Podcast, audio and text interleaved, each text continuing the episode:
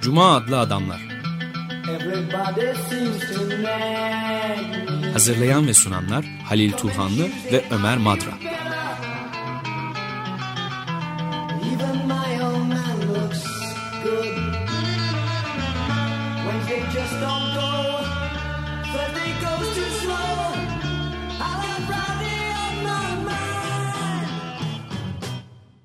Merhaba sevgili dinleyiciler. Cuma adlı adamlarda bu hafta Ömer Madra yok. Fakat e, iki konuğumuz var. Çok değerli konuklarımız. Yeditepe Üniversitesi Felsefe Bölümünden Profesör Tülin Bumin ve e, Galatasaray Üniversitesi'nden Zeynep e, öğretim görevlisi, Araştırma görevlisi. görevlisi. Zeynep Savaşçın. Hoş geldiniz. Merhabalar. E, Konuklarımızın burada bulunması, stüdyoda bulunmasının nedeni ise Marcel Gauchet'in Yurttaşını Arayan Demokrasi adlı e, derlemesi. E, derleyen ve çeviren Zeynep Savaşçın, e, Tülin, Profesör Tülin Bumin'de yazmış olduğu ilginç, zihin açıcı bir e, ön söz var bu kitaba. Pek tanınmayan bir düşünür ama e, tanınmayı hak eden, konuşum üzerinde konuşulmayı hak eden bir düşünür ve kitap var önümüzde. Hemen ben zamanımız az, konuşacak çok şey var. Soruları sormaya başlayayım. Siyasallık kavramı. Ee, anahtar kavramlardan bir tanesi bu kitapta Gauchet'in düşüncesinde. Siya, günümüzdeki siyaset, güncel hayattaki siyaset e, sözcüğünden farklı. Siz de ön sözde bunu vurgulamışsınız. Bu iki soru soru, iki bölümü olan bir soru soracağım. Siyasallık nedir? Onu bir açalım. Bir de siyasallığın yeniden biçimlenmesinde üç dalgadan söz ediyor e, Gauchet. Ee, o üç dalgayı bize, birinci bölüm soru size.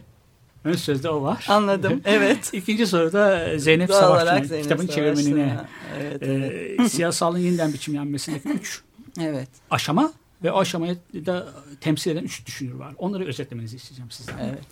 Bu siyasallık e, ve siyaset ayrımını bu şekilde karşılamadan önce çok düşündük aslında. Çünkü bu Fransızca le politik, la politik diye bir artik farkıyla ifade edilen bir şey. Anlaması, kavraması da zor ama Gauchet e, aslında e, şöyle demek lazım. E, toplumsallık ve siyasallığın e, bir arada mümkün olduğunu, siyasallığın olmadığı bir toplumsallığın daha doğrusu mümkün olmadığı teziyle e, başlıyor. E, Her şey onunla başlıyor aslında. E, çünkü e, bu bu nokta Marksizmin e, siyaset teorisinin en zayıf noktasıydı. Yani siyasallık ve toplumsallığın örtüştüğünü görmemek demek, e, görmemesi e, Marx'ın aslında siyasete e, siyaseti modernite ile özdeşleştirmesi, modernitenin gözlükleriyle e, siyaseti anlamasından kaynaklanıyordu. Bu onun sınırlarıydı, teorisinin sınırlarıydı.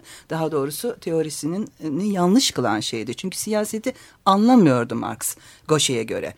E, Burada ufuk açıcı olan e, da Pierre Türk, e, Türkçe'ye de çevrilmiş olan işte devlete karşı e, toplumlar e, adlı bir etnolojik e, şeyi eseri büyük bir etki uyandırmış olan zamanında Claude Lefort, Castoriadis, e, üzerinde e, tam da bu açıdan büyük bir etki uyandırdı. Çünkü orada e, Marksizmin teorik boşluğunun, siyasetle ilgili teorik eksikliğinin, boşluğunun bilincine varıldığı anda böyle bir teori, böyle bir kitapla karşılaştı. E, Fransa'daki bu Türk solu düşünürleri diyelim. Ve orada nerede e, yani toplumsallık doğal değildir, siyasidir. Siyas, siyasallıklı anlamak lazım, ilkelleri de anlamak için. Orada iktidarı ve siyasallığı tarif edersek en pür, en saf haliyle modernitedeki e, uğradığı değişimlerin dışında kendinde o kavramı elde ederiz. E, bu önemli bir şeydi. Ama ondan sonra Zeynep devam etsin bence. Tekrar döneriz bu noktaya Siyasallığın üç gerekirse. aşaması. Üç aşaması o üç aşamaya geçmeden önce hemen belki o e, ilkellerin siyasallığından modernlerin siyasallığına geçişi biraz anlatmak gerek.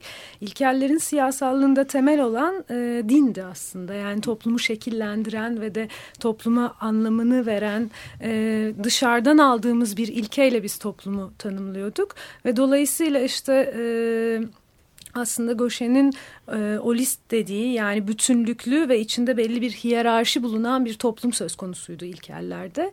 E, sonra moderniteye geçildiğinde bu aynı zamanda aslında bireyin artık meşruiyetin ilkesi olacağı bir toplum düzenine geçilmesi anlamına geliyor. Tabii kolay olmuyor. Yani o ilk dinsellikten çıkış aşamasında bizim tek tanrılı dinler dediğimiz dinlerin devletle birlikte gelişmesini izlediği, izlediğimiz bir süre de var. Ee, ama sonuç olarak bu süreç yani modernizme geçildikten sonraki süreç üç evrede açılıyor. Ve bu üç evreyi Goşe e, aslında... E, Leo Strauss'tan aldığı bir e, içeriği değil ama formül olarak Leo Strauss'tan aldığı bir tanımla modernitenin üç dalgası diye tanımlıyor. Bu dalgalardan ilki aslında Machiavelli ile birlikte gelen devletin kendini e, dinden tamamen kopardığı ve böylelikle e, toplumdaki iktidarın artık devlet tarafından temsil edildiği ve dışarıda olmadığı, içeriye alındığı bir içkinlikte gerçekleştiği bu iktidarın kuruluşunun aşama. İkinci aşama e, böylece kurulmuş bir iktidarın kendine bir meşruiyet sağlaması gerekiyor ve bu meşruiyetin arandığı yerde e, hukuk ve hukukun bireyi e, olarak çıkıyor karşımıza. Dolayısıyla toplumsal sözleşme teorileri bu ikinci aşamayı oluşturuyor. Sonrasında e, aslında belki de e, Goshen'in e, eserinde en merkezi konumda yer alan siyasallık ve dinle birlikte modernite için en merkezi konumda yer alan kavramın nasıl oluştuğuna geliyoruz. O da tarih. Yani insanın ve toplumun tarihselliği. Bu da aslında bizi Hegel e, uğrağına götürüyor. E, insan artık kendini tarihselliği içinde kavruyor ama kendi tarihselliği içinde kavrayan bu insan özne olarak aynı zamanda toplum. Yani kendi tarihini yaratan ve kendi tarihini yaratmak üzere eyleyen toplumlardan e, bahsettiğimiz bir aşamaya geliyoruz. Modernitenin 1500'lerden bu yana e, gelişmiş olan bu süreci içerisinde bütün bu e, üç dalga ve üç e, unsur diyelim aslında özelliğin e, vektörleri olarak diyor Goşe sürekli olarak gelişmektedirler ve hiçbir zaman da şu an içinde gelişimlerini tamamlamış değillerdir. Dolayısıyla ilkellerin dininden ve dinle belirlenmiş olan toplumundan çıkış hala devam ediyor. Evet. Yani son aşamasına geldik ama bu vektörler özelliği geliştirmeye devam ediyorlar. Ben yeni bir soruya geçmeden önce kitabın künyesini vereyim. Marcel Gauchet'in Yurttaşını Arayan Demokrasi, Derleyen ve Çeviren Zeynep Savaşçı'nın e, ön söz var kitapta yazılmış ilginç bir ön söz. Giriş için e, çok önemli. Siyasallık, sol ve demokrasi başlığını taşıyan ön sözün yazarı da Profesör e, Tülin Bumin. Kitap iletişim yayınlarından yayınlanmış. E, 2013 yılında bu yıl yayınlanmış kitaplardan birisi. Şimdi ikinci soruya sor, tekrar size soracağım. E, siyasallık toplumları bir arada tut, tuttuğunu söylüyorsunuz. Hı hı. Siz ön sözde ama bölümü üzerinden yaptığını söylüyorsunuz. Evet. Bu evet. ilginç bir şey. Birlik ve bölünme paradoksal hı hı. bir şey. Ona bağlı olarak bir şeyleriniz daha var, önermeniz daha var. Demokrasi ihtilafın meşruluğunu kabul eden evet. Koşin. rejim diyoruz. Bence en önemli tezi. Hı hı. Fakat şey de, e, siyaseti. Çatışmayı kabul etmek. Koşa bunu kabul ediyor, ediyor herhalde. Evet. Bunu açıklamanızı isteyeceğim. Hı hı. Buradaki bir benzerlik ya da farklılık var mı? Mesela Carl Schmitt'le topluluklar e, toplu insan toplumlarının çatışma üzerine kurulduğunu hı hı. ve buradan yola çıkarak da radikal demokrasi tanımı yapanlar var. Onu buradan da evet. Schmitt gibi bir sağ e, düşünürden evet. çıkarak Chantal Mouffe gibi evet. aklımıza geliyor. Evet, evet. Onlarla bir yakınlık var mı? Ee, hiç. Bölünme. Rancière de bölünmeyi Şimdi, mesela demokrasiyle bölünmelerden çok söz eder. Evet ama Carl Schmitt e, e, daha çok biliyorsunuz dost düşman. Evet şeklinde. E, halbuki e, Goşe der ki mesela e, barış nasıl oluşur? Savaştan sonra düşmanını yok ederek. Hı. Dize getirerek, öldürerek. Hı. Yani barış aslında e, büyük ölçüde eskiden yani insanlık tarihinde çok temiz bir sözcük değil. E, bugün hani çok yücelttiğimiz bir kavram olarak barış. E, dolayısıyla buradaki konfliktüalite e, kesinlikle bir düşmanlık dostluk ilişkisi şeklinde düşünülmüş bir konfliktüelite değil. Tam tersine toplumsallığı kuran bir konfliktüelite, evet. kuran bir ihtilaf. Ve bu ihtilaf çözülecek bir ihtilaf değil. Mesela Türkiye için, Türkiye'yi düşünürken son derece önemli kavramlar bunlar. Bölünme ve ihtilaf kavramları.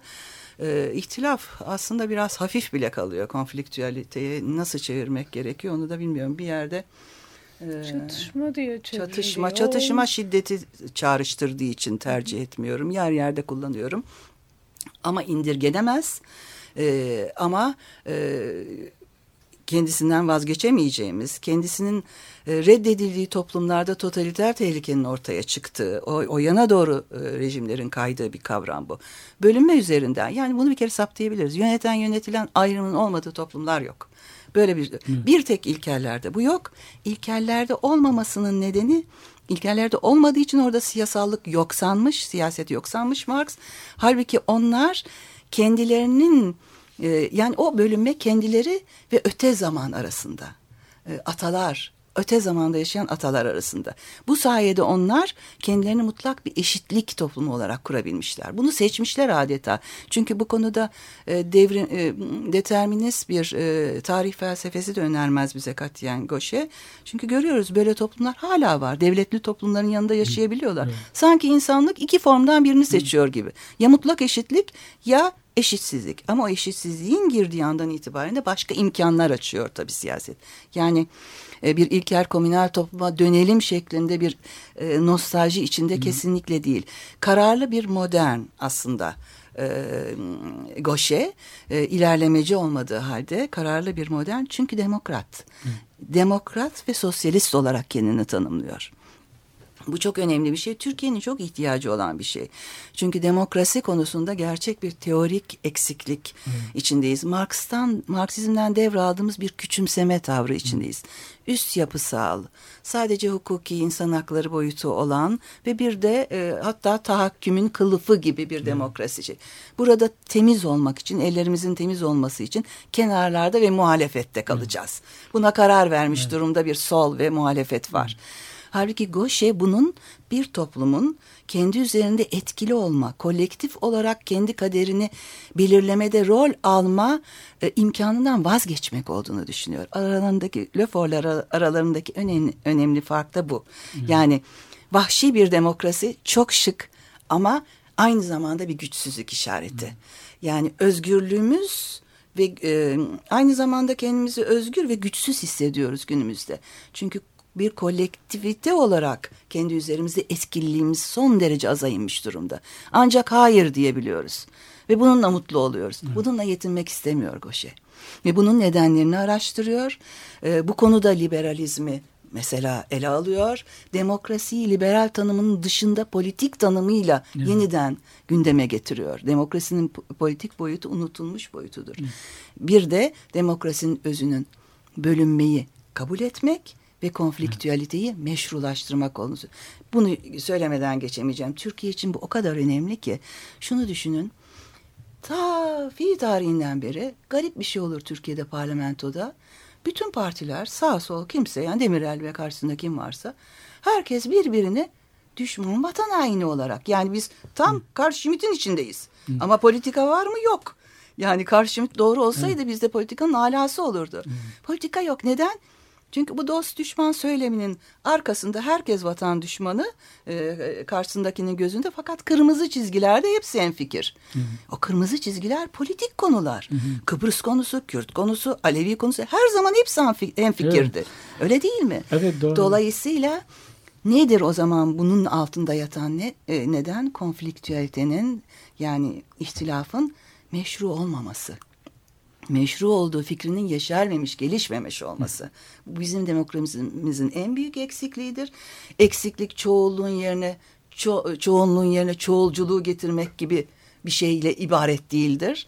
Konfliktüelitenin meşruluğunu, ihtilafın meşruluğunu ve bölünmenin yapısal olduğunu kabul etmektir. Demokrat olmak çok zor. İhtilaf yoksa muhalefet de yoktur demişsiniz siz. Evet. Yani, Tabii. bir de bu Gerçek bölünmeyi- muhalefet yoktur. bölünmeye yapmış olduğu vurgu onun liberal demokratlardan, liberal demokrasi tanımından aradaki mesafeyi koyması bakımından önemli değil, değil mi?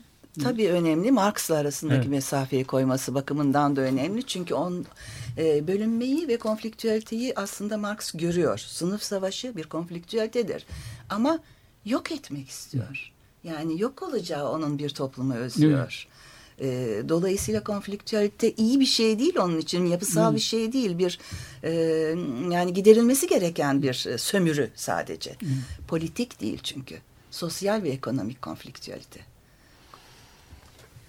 Peki bir soruda Zeynep Savaşçı'na kitabın çevirmenine sorayım. E, heteronomi ve özellik iki tane e, yine iki kavram.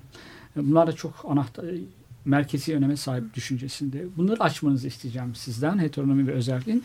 Modernliğin geliş, e, özelliğin gelişmesiyle modernlik arasındaki bir, bir ilişki kuruyor. Bir de onu açıklayacağım. Birbiriyle çok bağlantılı iki soru. Heteronomi e, öncelikle açıklayalım. Türkçe'de çok sık kullanılan bir kavram evet. değil çünkü.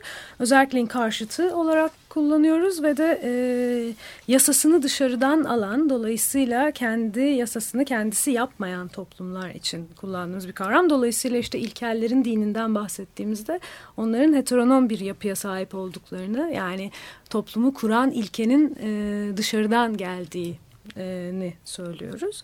E, modernite tam da aslında bunu ters yüz ederek özelliği getiriyor. E, özellikle de e, biraz önce bahsettiğimiz işte sözleşmeci teorilerde Hobbes'ta Rousseau'da olan e, hukuk hukuken meşru kılınması e, modern devletin, rejimlerin e, bu şekilde getiriyor özellik ilkesini. Yani bireye dayanıyor aslında. Bütün bir toplumun meşruiyeti bireyde temelleniyor. Bireyler e, e, bireysel haklar üzerinden kendi toplumlarını var etme ve onu e, kurma e, gücüne sahip oluyorlar. Ama bu güç sadece hukuki ilkeyle değil aynı zamanda bütün o diğer e, iki unsurla da birlikte var olduğu sürece mümkün olabiliyor. Yani Goshen'in siyasallık dediği şeyle ve tarih ve toplum. E, tarihi zaten hiçbir zaman tek başına söylemiyor ama tarihsel toplumsal olan unsur diye bahsediyor. Çünkü orada da aslında biraz önce bahsettiğim gibi tarihi yapan özne toplum. Evet özellik işte aslında bir süreç. Tıpkı demokrasi gibi kapanmayan. Ve e, heteronomi heteronom e, bir yapıdan çıkışın yaşandığı bir süreç. Ve bunu öğrenmemiz gerekiyor. Yani bu, bu hem bunu öğrenmemiz gerekiyor hem de bu e, özelliğin getirdiği işte hocamın biraz önce bahsettiği bölünmeyle birlikte e, yaşamayı öğrenmemiz gerekiyor. Devlet ve toplum arasındaki bölünme, toplumun kendi içindeki çatışmalar ve onun yarattığı bölünme. E, bütün bunları öğrenmek de bu üç unsurun birbirlerini zaman zaman gölgede bırakarak birinin öne geçmesi e, ve kendini daha da gelişkin bir aşamaya taşımasıyla e, özelliğin gelişmesi sayesinde oluyor. Ve Goşe hep aslında demokrasiyi e, krizlerinden itibaren anlamaya çalışıyor. Yani başlangıcından bu yana e, geçirdiği krizler üzerinden düşünüyor demokrasiyi. Ama bu krizleri hiçbir zaman sadece olumsuz yanıyla değil ama aynı zamanda olumlu yanıyla. Yani e, bir bir ilke aslında diyelim e, tarihsel unsur kendisini daha üst bir aşamaya taşıyıp e, hukuki ve e, siyasal hukuku ya da siyasallığı geride bıraktığında aslında onları da nasıl beslediğini Goşe bize anlatmaya çalışıyor bu modernitenin süreci içerisinde. Belki bir başta sormam gereken bir soruydu bu. Ee, 68 sonrası yeni politik düşüncenin içinde değerlendirilen bir düşünür. Evet. Ee, 68 ideallerine bağlı olan düşün, olduğunuz iddia eden düşünürler de var. Badiou gibi. Ee, demokrasiye fazla onlar da demokrasiye yapılan vurguyu hatta insan haklarına yapılan vurguyu eleştiriyorlar. Bu bakımdan bir kıyaslama yapabilir miyiz? Ee, bu yeni entele, entelektüel yön değişiminde yani 68 sonrası felsefe çok e, kapsayıcı, şemsiye bir kavram. Onun içerisindeki Goshen'in yeri nedir? Evet e, aslında çok e, ayrıksı bir yer diyebiliriz. Ama bir yandan da kendisinin 68'de e, yeşermiş olan bir entelektüel idealin mirasçısı olduğunu söylüyor. Bu nasıl bir ideal? O zamanlar ortaya çıkan çok yoğun bir e, entelektüel e, ürünler çoğunluğu karşısındayız ve kalitesi karşısındayız. Bu psikanalizde, e, lingüistikte, etnolojide e, son derece yenilikçi m, ve e, son derece ufuk açıcı e, aynı anda e, ortaya çıkmış eserler var. Lacan'ın eserleri, Derrida'nın eserleri, Foucault'unkiler, diğerleri yani sayısız eser. Böyle büyük bir patlama. Buna paralel olarak da tabii politik pratikte de yaşanan bir büyük deneyim. Bu ikisinin bir arada olması e, çok büyük bir e, enteresan bir birlikte 68'e özelliğini kazandıran e, bir çok boyutluluk tabii. Hem entelektüel hem praksis boyutu. Şimdi burada yeşeren neydi diyor. E, bütün bu disiplinler arası e, sanki bir birliğin e, mümkün olduğu, insan hakkında birlikli ve kapsayıcı bir e, düşüncenin e, ortaya çıkabileceği. Bu tabii heyecan verici bir şey. Yani insanlığın kendi üzerine bu kadar e, e, geniş çaplı bir düşün ve birlikli bir düşünmeye ulaşma ideali çok heyecan verici bir şeydi. Bu ideale sadık kaldığını söylüyor ve sadık kaldığını da kabul ed- etmemiz gerekiyor. Çünkü hakikaten düşüncesinin bir tarih boyutu var. Yani ilkellerden e, bütün tarih boyu. Psikanaliz boyu, psikiyatri boyutu var. Çünkü orada da öznenin, bireysel öznenin içindeki bölünmeden bahsediyor ve öznenin oluşumunu, moderniteyi anlamak demek, öznelliğin ve öznenin oluşumunu anlamak demek. E şimdi bu da ayrıksı kı- kılıyor onu çünkü diğerlerinin derdi öznenin dekonstrüksiyonu biliyorsunuz Heidegger kökenli e, dekonstrüksiyonist felsefenin, yapı çözümcü felsefenin şeyi e, bir özne metafiziği olarak Descartes'ten itibaren Batı düşüncesini görmek felsefi olarak ve bunun dekonstrüksiyonunu yapmak. Ama şey derdi ise e, Goshen'in derdi ise e, bunu anlamak her şeyden önce. Böyle bir nostaljik antimodern, e, anti e, süje metafiziği e, duruşu içinde değil. E, bunu yeteri kadar heyecan verici ve ilgilenmek için e, yeteri kadar önemli buluyor. E, ve bu, bu konuda çok önemli, çok boyutlu işte psikanalizden, eğitimden, politikadan, e, tarihe kadar e, ürünleri var. Herhalde en fazla üreten değil mi? Çok, E, gerçekten. düşünürlerden biri Fransa'da. Türkiye'de maalesef bir böyle heyecanlı, genç, e, solu kesecek, aforizmatik, e, böyle e, vahşi demokrasi sloganlarıyla yazan biri değil. Bir de Amerika üzerinden gelmedi. Dikkat edersek Türkiye'de meşhur olan bütün bu düşünürler, Zizek bile hepsi İngilizceden ve Amerika üzerinden gelen düşünürler. Gauche böyle bir dolayıma sahip değil. Evet. evet. Ve garip bir şekilde Gauche oradan gelen düşünürler tarzında bir primer anti-Amerikancı da değil. Ee, o da tabii hoş bir şey değil bizim için. Yani biz ne istiyoruz? Anti-Amerikancı olacak, anti-küreselci olacak, ondan sonra anti-liberal olacak ve bunu şık cümlelerle ifade edecek. Onun yerine uzun soluklu, derin ve kapsayıcı bir teori çabası karşısındayız. Bu bakımdan onu okumak e, aynı zamanda son derece önemli ve biraz da emek isteyen bir şey.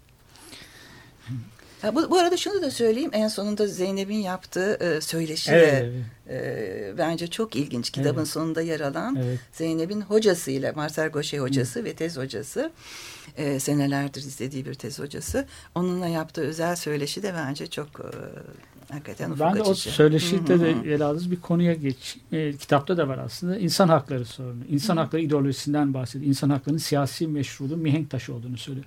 Bunu da biraz sorunlu buluyor galiba. Değil mi? İnsan hakları ideolojisini.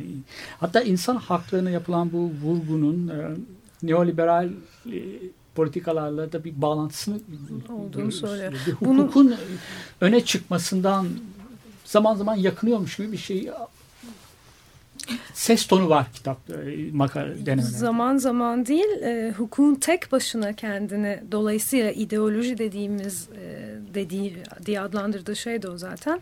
Hukukun kendi tek başına kendisini bütün bir demokratik e, e, yaşamın e, yegane ilkesi olarak koymasına karşı çıkıyor.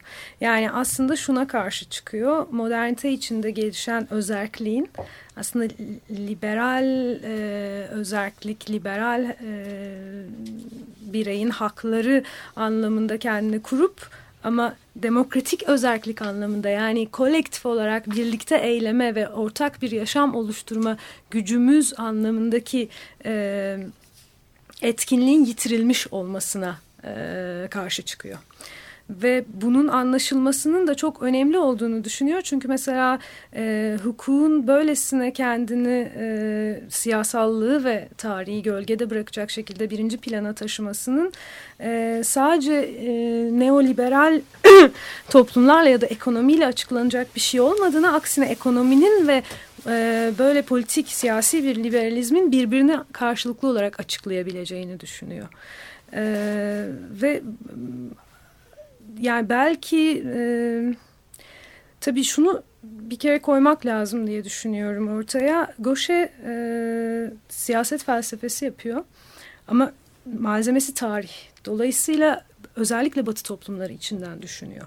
Ve e, insan hakları ya da bireyin haklarına getirdiği eleştiriler onların e, kurucu temeller olmak bakımından e, modern toplumların meşruiyetini sağlamalarına getirdiği bir eleştiri değil. Ama diğer ilkeyi yani siyasallığı dolayısıyla kolektif eyleme gücümüzü e, çalan bir tarafı olduğunu söylediği bir şey.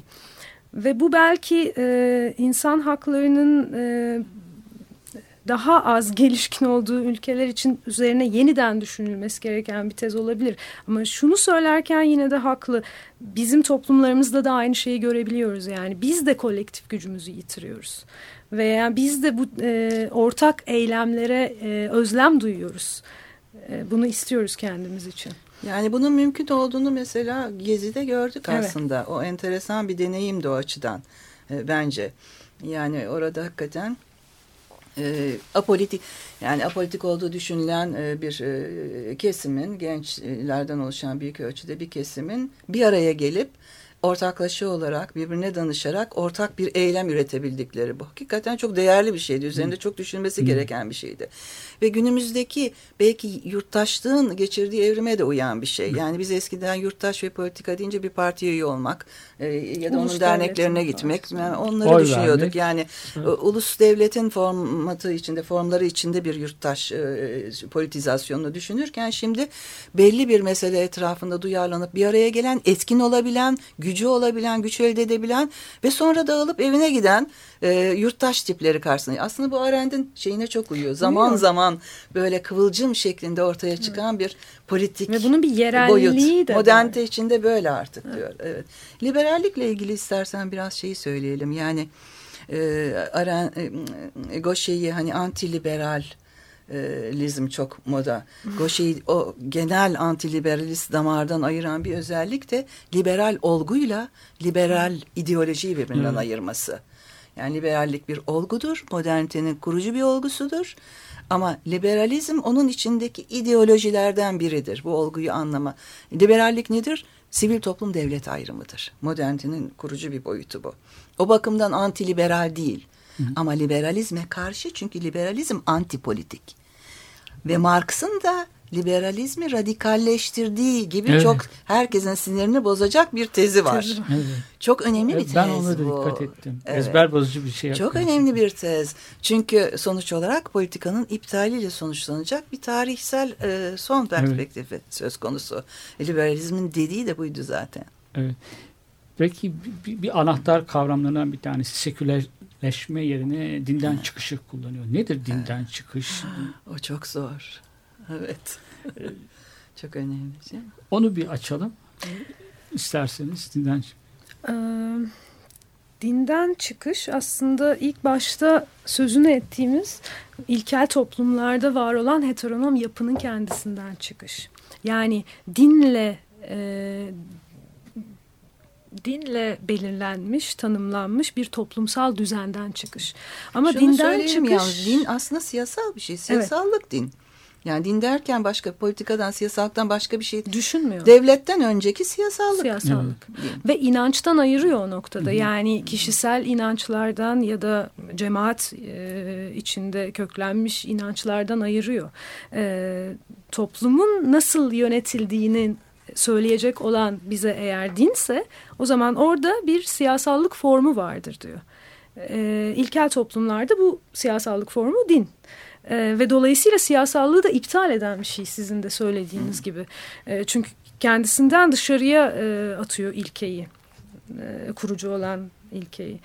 Sonra monoteist e, dinler. Sonra monoteist dinler geliyor ama monoteist dinlerle birlikte aslında e, yani özellikle tabii Hristiyanlıkla çünkü e, onu e, Avrupa toplumlarını okuduğu için Göşe e, Hristiyanlığı okuyor daha çok. Hristiyanlıkla birlikte aslında devletin ve modernitenin gelişim süreci de birlikte başlıyor. E, dinden çıkışı kullanıyorum diyor çünkü e, yani sekülerleşme aslında bizi e, Sizin de sorduğunuz sorulardan bir tanesi o galiba. Evet, Evet, söyleşide. Evet, evet. Hmm. Yani çünkü dinden çıkış gerçekten çok temel bir kavram ve Gauchet'in e, 1985'te yazdığı e, Desenchantement du Monde, e, Dünyanın Büyüsünün Bozulması diye çevirebileceğimiz kitabı Tezi en önemli. ee, en önemli tezi ve hala da aslında üstünde en çok konuşulan e, kitabı o belki de. E, çünkü e, yani din bizim ilk aklımıza gelecek anlamıyla anlaşılan bir şey değil Göşe'de. Yani bir kere ilkel toplumlara referansla, onların dinine referansla anlaşılıyor. İkincisi e, siyasal bir e, form olarak anlaşılıyor. Peki biraz ara verelim. Bir parça çalalım isterseniz.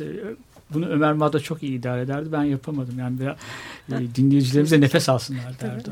Şimdi Wilco topluluğundan One Sunday Morning adlı parçayı dinleyelim. Ondan sonra kaldığımız yerden sürdüreceğiz.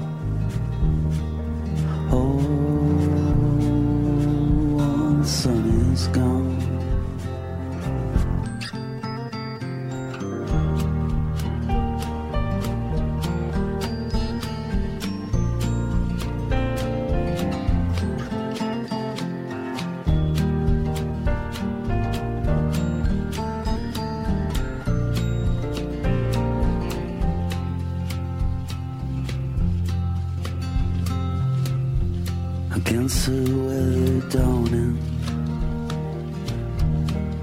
Over the sea, my father said what I had become.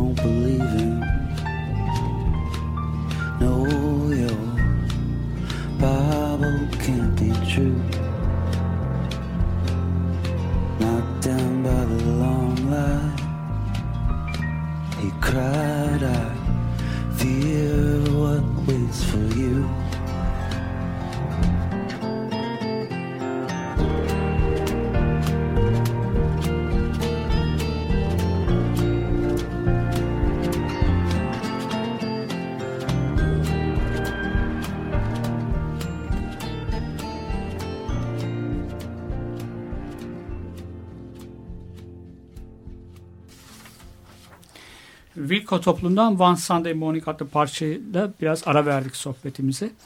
Kaldığımız yerden sürdüreceğiz. Kitabın künyesini bir kez daha veriyorum. Marcel Gauchet'in Yurttaşını Arayan Demokrasi. Derleyen ve çeviren Zeynep Savaşçı'nın ön söz, e, siyasallık, sol ve demokrasi başlığında çalışan ön sözde Profesör Tülin Bümi'nin imzası var. İletişim yayınlarından 2013 yılında birkaç ay önce yayınlandı. Yaz sonunda. Yüz başlarına yayınlandı bu kitap ama çok da e, hiç hemen hemen hiç bahsedilmedi sanıyorum bu kitaptan. Daha önce de din üzerine bir, bir kitaplı çevrilmişti galiba. Ama o da o da pek konuşulmadı. Konuşulmadı evet üzerinde. Şimdi bir, soru daha başa geleceğim. Sizin yazdığınız ön söze Sayın Bumin. Tekrara düşmek gibi olmayacak sanırım. Ee, Claude Lefort'la yapmış olduğunuz bir mukayese var. Bu vesileyle Lefort'u da anmış olalım ve onun düşüncesi hakkında da birkaç söz e, edebilirsiniz. Bizlere aydınlatabilirsiniz. Bu siyasi, tekrar siyasallıkla, demokrasiyle siyasallığın ilişkisini orada vurgulamışsınız. Aralarındaki benzerliklerden, benzer düşüncelerde olduğunu söylemişsiniz. Bir kez daha ona dönelim mi? Onun söze.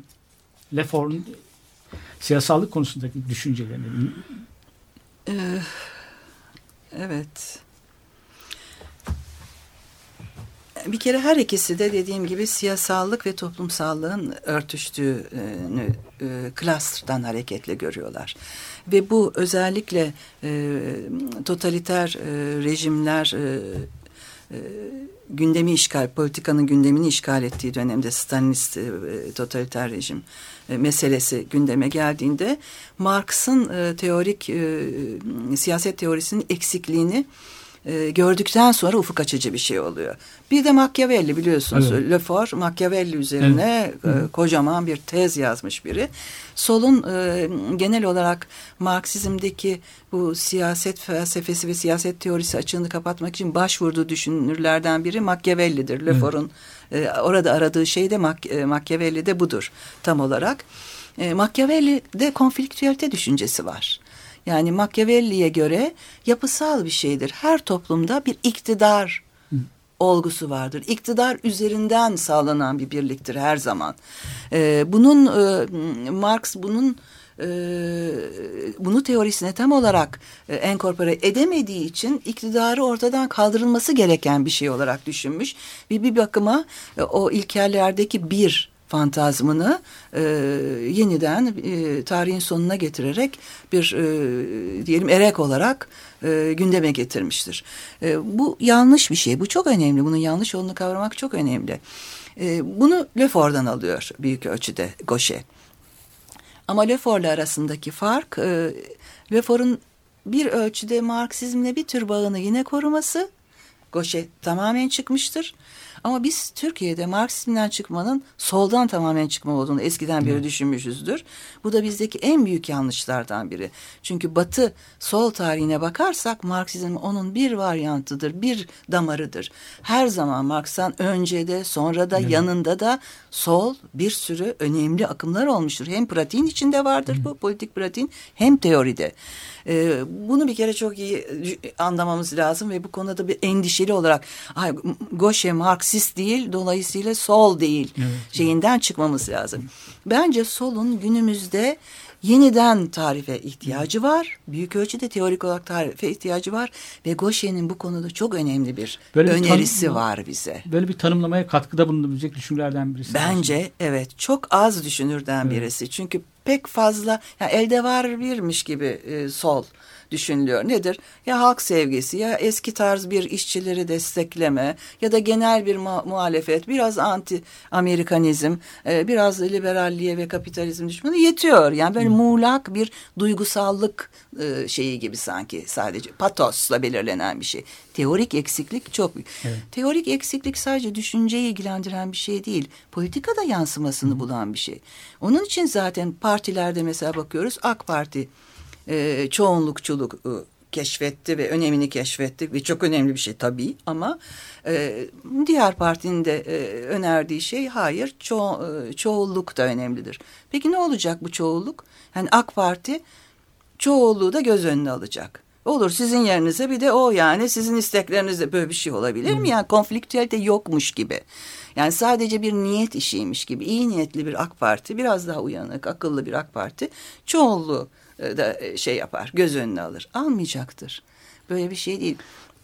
Önemli olan her iki tarafın konfliktüelitenin meşruluğunu barışçıl bir düzlemde parlamentoda e, tesis etmek. Demokrasi bunun tesisidir. E, biz ise ne yapıyoruz? E, durmadan şimdiye kadar tarihimize bakarsak anayasa yazma yoluyla çoğunlukla askerler yapıyordu bu işi sivilleri görevlendirilerek anayasa yoluyla politikayı iptal etmek. Bizim anayasalarımız buna yarar ve bunun için yapılmıştır. Çünkü konfliktüelite ne zaman çıksa her zaman çıkıyor çünkü yani bir biçimde bunu yaşıyoruz. O konfliktüelite iptal eden bir anayasa yapıyoruz ve böylece çözmeye çalışıyoruz. Yani apolitiyiz, antipolitiyiz. Politikacılarımız antipolitik. O demin solla ilgili bir şeydi ben ekleyeyim. Doğru, yanlış mı doğru mu bilemiyorum. Ee, yani yeniden tanımlarken kendisini Marx'ın tek damar olduğunu söylemiştiniz. Tek bir yolu. Biraz e- daha eklektik olması lazım yeni solun kendisini tanımlarken ki e, yani ağırlığını koyabilsin. Aslında dışarıda ben izleyebildiğim kadarıyla e, esen rüzgar buraya gelen yansıyan rüzgarlardan anlayabildiğim kadarıyla bir röne, solun bir rönesansı var teorik olarak. Ama var. Spinoza'ya dönüyor, Machiavelli'ye Evet. dönüyor. Var evet yani bu ihtiyaç var. Ee, böyle bir şey var. Ama genellikle dediğim gibi Türkiye'deki takipçileri daha çok e, hani o patosu e, okşayacak e, yazarlar işte Zizek falan gibi yani biraz daha pop sol Evet. e, tarzı düşünürler ya da yani göz kamaştırıcı bir radikallik e, görmek istiyorlar. Ama onda teorik olarak arkadaki arka plan genellikle Bigoşe'de olduğuyla karşılaştırınca bence çok zayıf. Lefort falan daha fazla etkili aslında. Lefor Çok- maalesef çok- o da yok Türkiye'de. Nedense tam da teorik olarak ihtiyacımız olan şeyler Türkiye'de yok. İşte bir, bir bakıma Amerika'da olmadığı için Türkiye'de yok. Yani Amerika'ya çok düşmanız ama Amerika'da Evet. olmayan Türkiye'de yok. Evet. Küreselleşme yoluyla gelenler Türkiye'de var. Mesela Türkiye'deki muhalefeti benimseyenler, anti küreselleşmeci muhalefeti besleyenler küreselleşmiş olanlar. Evet. Karl Koch gibi bir düşünür mesela. Çok tartışılıyor dışarıda. Evet. tabii. Peki bir soru daha. Ben biraz sorunlu bulduğum bir yön, e, aklımı karıştıran bir yön. Sizin de e, söyleşisinde değinmiş. Ulus devlet kendi kendini yönetmeyi muktedir bir siyasal topluluk demiş. E, yasalarını kendisi yapıyor. Ama bu yasalar aşağıdan yapılmıyor ve bu yasalarda biraz dayatmacı, baskıcı bir yasalar değil mi? Bu tanım ulus devletinin asimilasyon politikalarıyla oluşturulmuş bir homojenliği olduğunu biraz gizlemiyor mu şeydeki Goshen'in bu tanımı? Şimdi Goshe'de aslında ulus devlet kavramını gerçekten çok dikkatli okumak lazım. Yani ben- benim o soruyu sormam e, özellikle bu açıdan önemliydi. Çünkü Goshe hem bir taraftan e, modernizmin gelişim süreci içerisinde aslında devletin bir şekilde güçsüzleştiğinden, eski iktidarına sahip olmadığından ve mesela işte siyasallığın e, hukukun gölgesinde kalışıyla devletin de kendini geri plana çekmesinden bahsediyor. Ama bir taraftan da e, evet ulus devleti o siyasallığın formu olarak ortaya koyuyor. E, ancak ş- bence yapılması gereken ayrım şu ve çok önemli.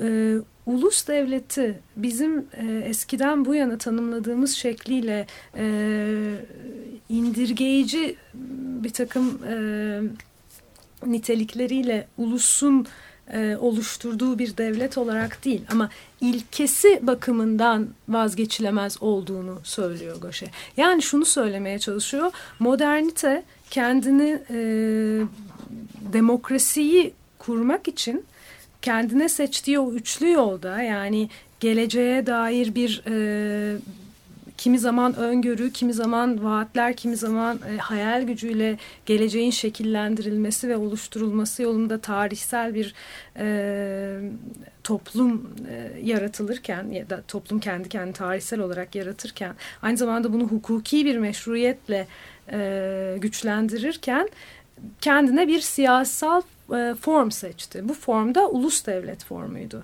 Bu formun yaşantılandığı biçimleriyle yani tarihsel bir olgu halinde karşımıza çıktığı şekilleriyle vazgeçilebilir bir şey olduğunu düşünüyor Goşe.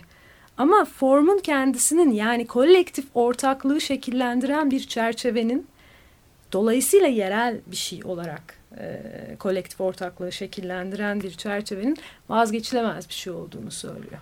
Yani Goshen'in bu noktada ulus devlet e, kendi kendini pardon kendi kendini yönetmeye muktedir siyasi Evet, topluluk evet. derken e, burada vurgu yapılan şey kendi kendini yönetmeye muktedir siyasi topluluk. Bunun için ihtiyaç olan şey özellik ilkesinin aynı zamanda e, bir tür geleceği projelendirmek arzusuyla e, eyleme geçirici gücünü görmek. E, hukuki olarak bu zaten desteklenmiş bir şey bireysel haklar yoluyla ve aynı zamanda bunu yerel ve sınırlı bir çerçeve içinde yapabileceğimizi e, farkına varmak. Peki size sorayım hocam. Ee, Sayın Bumin. Bu tanım e, kendi kendini yönetmeye muktedir e, olumsuzlama yokmuş gibi geliyor burada ulus devleti. Değil mi? Bu Burada cümleyi tek olarak alırsak öyle. noktası değil mi? Şimdi hmm, ulus devleti e, olumsuzlama Yani Ne- özgürleşme ne, siyasetleri ne olarak olumsuz? Şimdi ulus devlet e, siyasetin modernlikte aldığı form. Yani bir olgu olarak bakıyor ona. Bu form iyidir, kötüdür, iyi yanları var, kötü yanları var, içinde problemler var, içinde ideolojiler var, içinde farklı farklı yönetiyor. Liberaller yönetirse başka, sosyalistler yönetirse başka oluyor. Bütün bunlar mümkün. Ama ulus devlet ya da onların federasyonu modernlikte politikanın aldığı biçim. E, Şimdi günümüzde ulus devletin e, büyük ölçüde e, e, karizmasının çizildiğini görüyoruz. E, küreselleşme tarafından e, gücünü yitirdiğini görüyoruz, iktidarını yitirdiğini görüyoruz. Bu ama sadece ulus devlet dediğimiz şeyin gücünü yitirmesi olmuyor. Onun içindeki yurttaşların da diyor Goşe, yurttaşların da mevcut politika yapma çerçevelerinde güçsüzleşmeleri oluyor. Ne oluyor? Onlar da ulus devletle birlikte ekonomik süreçlere, dinamiklere teslim oluyorlar. E, tek çareleri birey olarak uluslararası, uluslararası bir mahkemede haklarını aramak gibi hukuki bir imkan oluyor. Ama politika yapma imkanlarında da bir zayıflama görülüyor. Dolayısıyla bizim düşmanımız ulus devlet zayıflamıyor. Politika yapma çerçeveleri çöküyor. Kamusal alanlar çöküyor. AB ile mesela ilgili değerlendirmelerini de böyle anlamamız lazım. AB'ye e, büyük bir eleştiri getiriyor. Ama diyor ki Avrupa Birliği kocaman bir ekonomik sivil toplum oldu. Hukuki bazı şeylerle de yönetiliyor ama yurttaşı yok. E, dolayısıyla e, yetkiler transfer edildikçe mevcut politika yapma yurttaşın imkanları zayıflıyor. Ona karşılık da yeni bir platform sunulmamış oluyor. Yani kaygılarını onun bu açıdan almak lazım. Yoksa bizimkiler gibi bir ulus devletçi değil. Zaten orada cumhuriyetçilerin mesela AB karşıtı olan Dominik Schnabel falan gibi de ya da Pierre Nora gibi e, daha septiklerin e, tavırlarına bakarsak bir demokrasi kaygısı görüyoruz. Yani politik olarak e, yurttaşın katılım çerçevelerinin zayıflamasından endişe. Biz ise mesela devletin gücünün azalması, devletin iktidarının e, şeye zarara uğraması gibi kaygılarımız Evet. var. Çok farklı iki cumhuriyetçi duruş bu. Bizim cumhuriyetçilerimiz de onların cumhuriyetçileri birbirine hiç benzemiyor. Peki gene baş, biraz başta değindik ama e, Goshen'in düşüncesinde etnolojiye duyduğu bir ilgi var. Burada yapısalcıya de teması var ama eleştirel bir Eleştirel bakışı var. bakıyor. Mit, e, Evet. mitlerin dinsellikle ilgisini eleştiriyor. E, onu biraz açalım mı? İşte etnolojiye olan aslında yakınlığı Mitler Hı hı. dinsellikle ilişkisi nedir? Neyi anlatırlar toplumlarla, toplumların hayatına dair? Ee, Gauchet'e göre ilkel e, toplumlardaki yaban e, toplumlarındaki mitler aslında bütün o siyasal kuruluşun kendisini anlatıyor. Yani oradaki mitler toplumun e, nasıl bir bütün bir haline geldiğini ve e, dışarıdaki ilkeden başka hiçbir içeride iktidar ve yönetici tanımadığını Dolayısıyla aslında bireyleri nasıl birbirine eşitlediğini ve aralarındaki farkı e, ortadan kaldırdığını anlatıyor. Ama tıpkı bu mitlerin yaratıcısının insan olması gibi aslında işte Tülin e, hocanın da bahsettiği gibi burada bir seçim var. Yani toplum kendisi o ilkeyi dışarı atmayı kendi içindeki eşitlik adına tercih ediyor. Vazgeçiyor bir anlamda kendi üzerindeki iktidarından. İktidar olmayı reddediyor. Ve bunun da karşılığında hediye olarak eşitlik. Eşitlik Mutlak bir alıyor. eşitlik.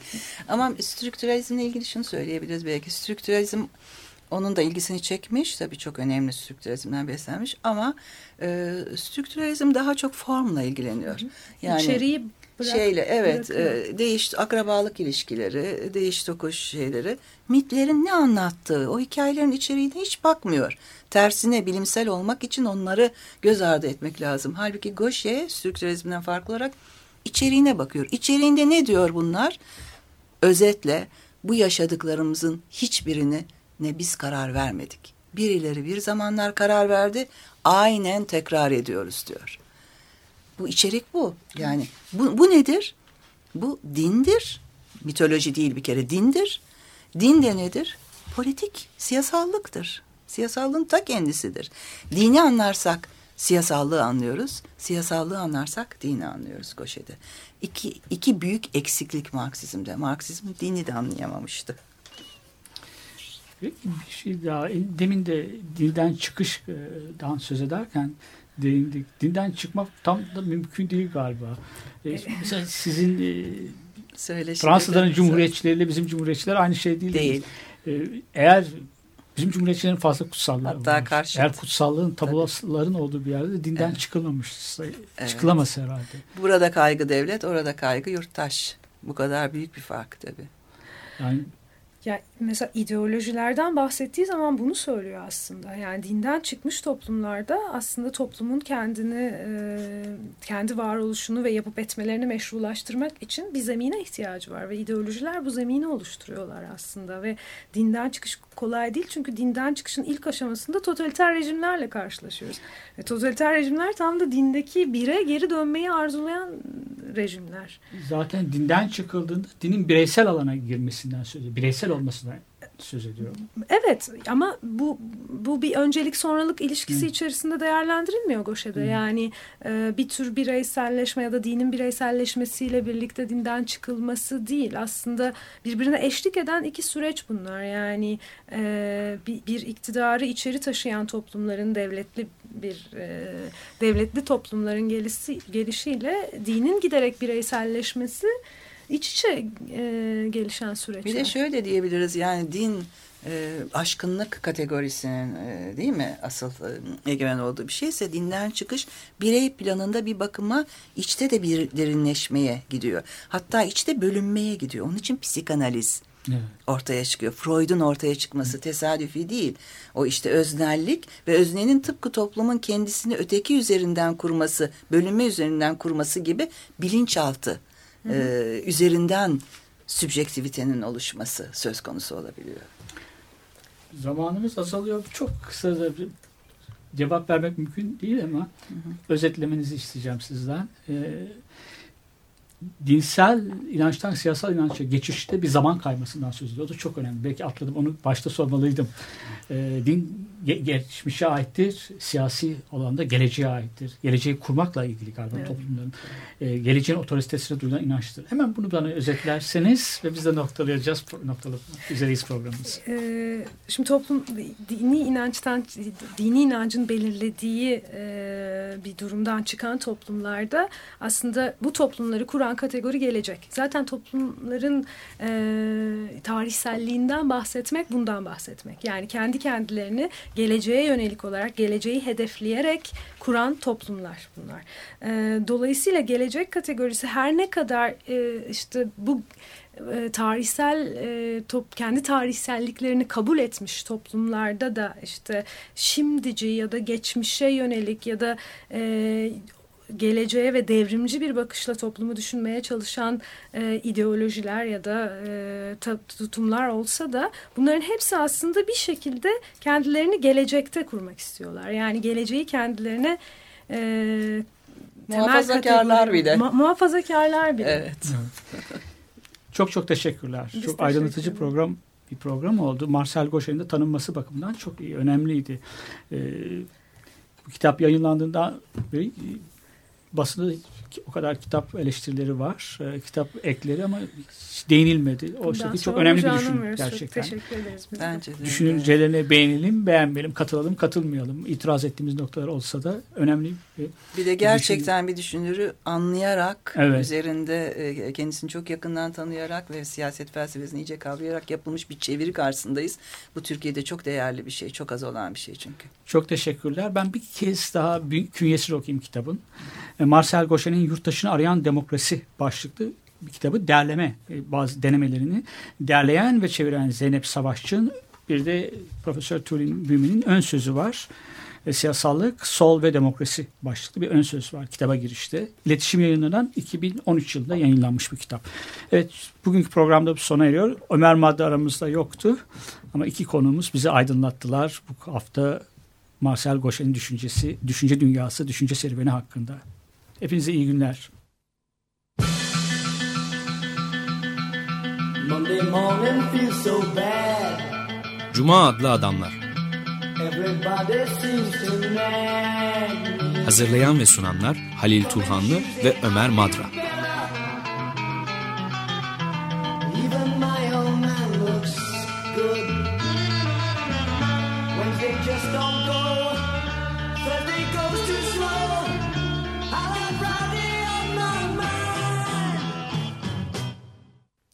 Açık Radyo program destekçisi olun. Bir veya daha fazla programa destek olmak için 212 alan koduyla 343 41 41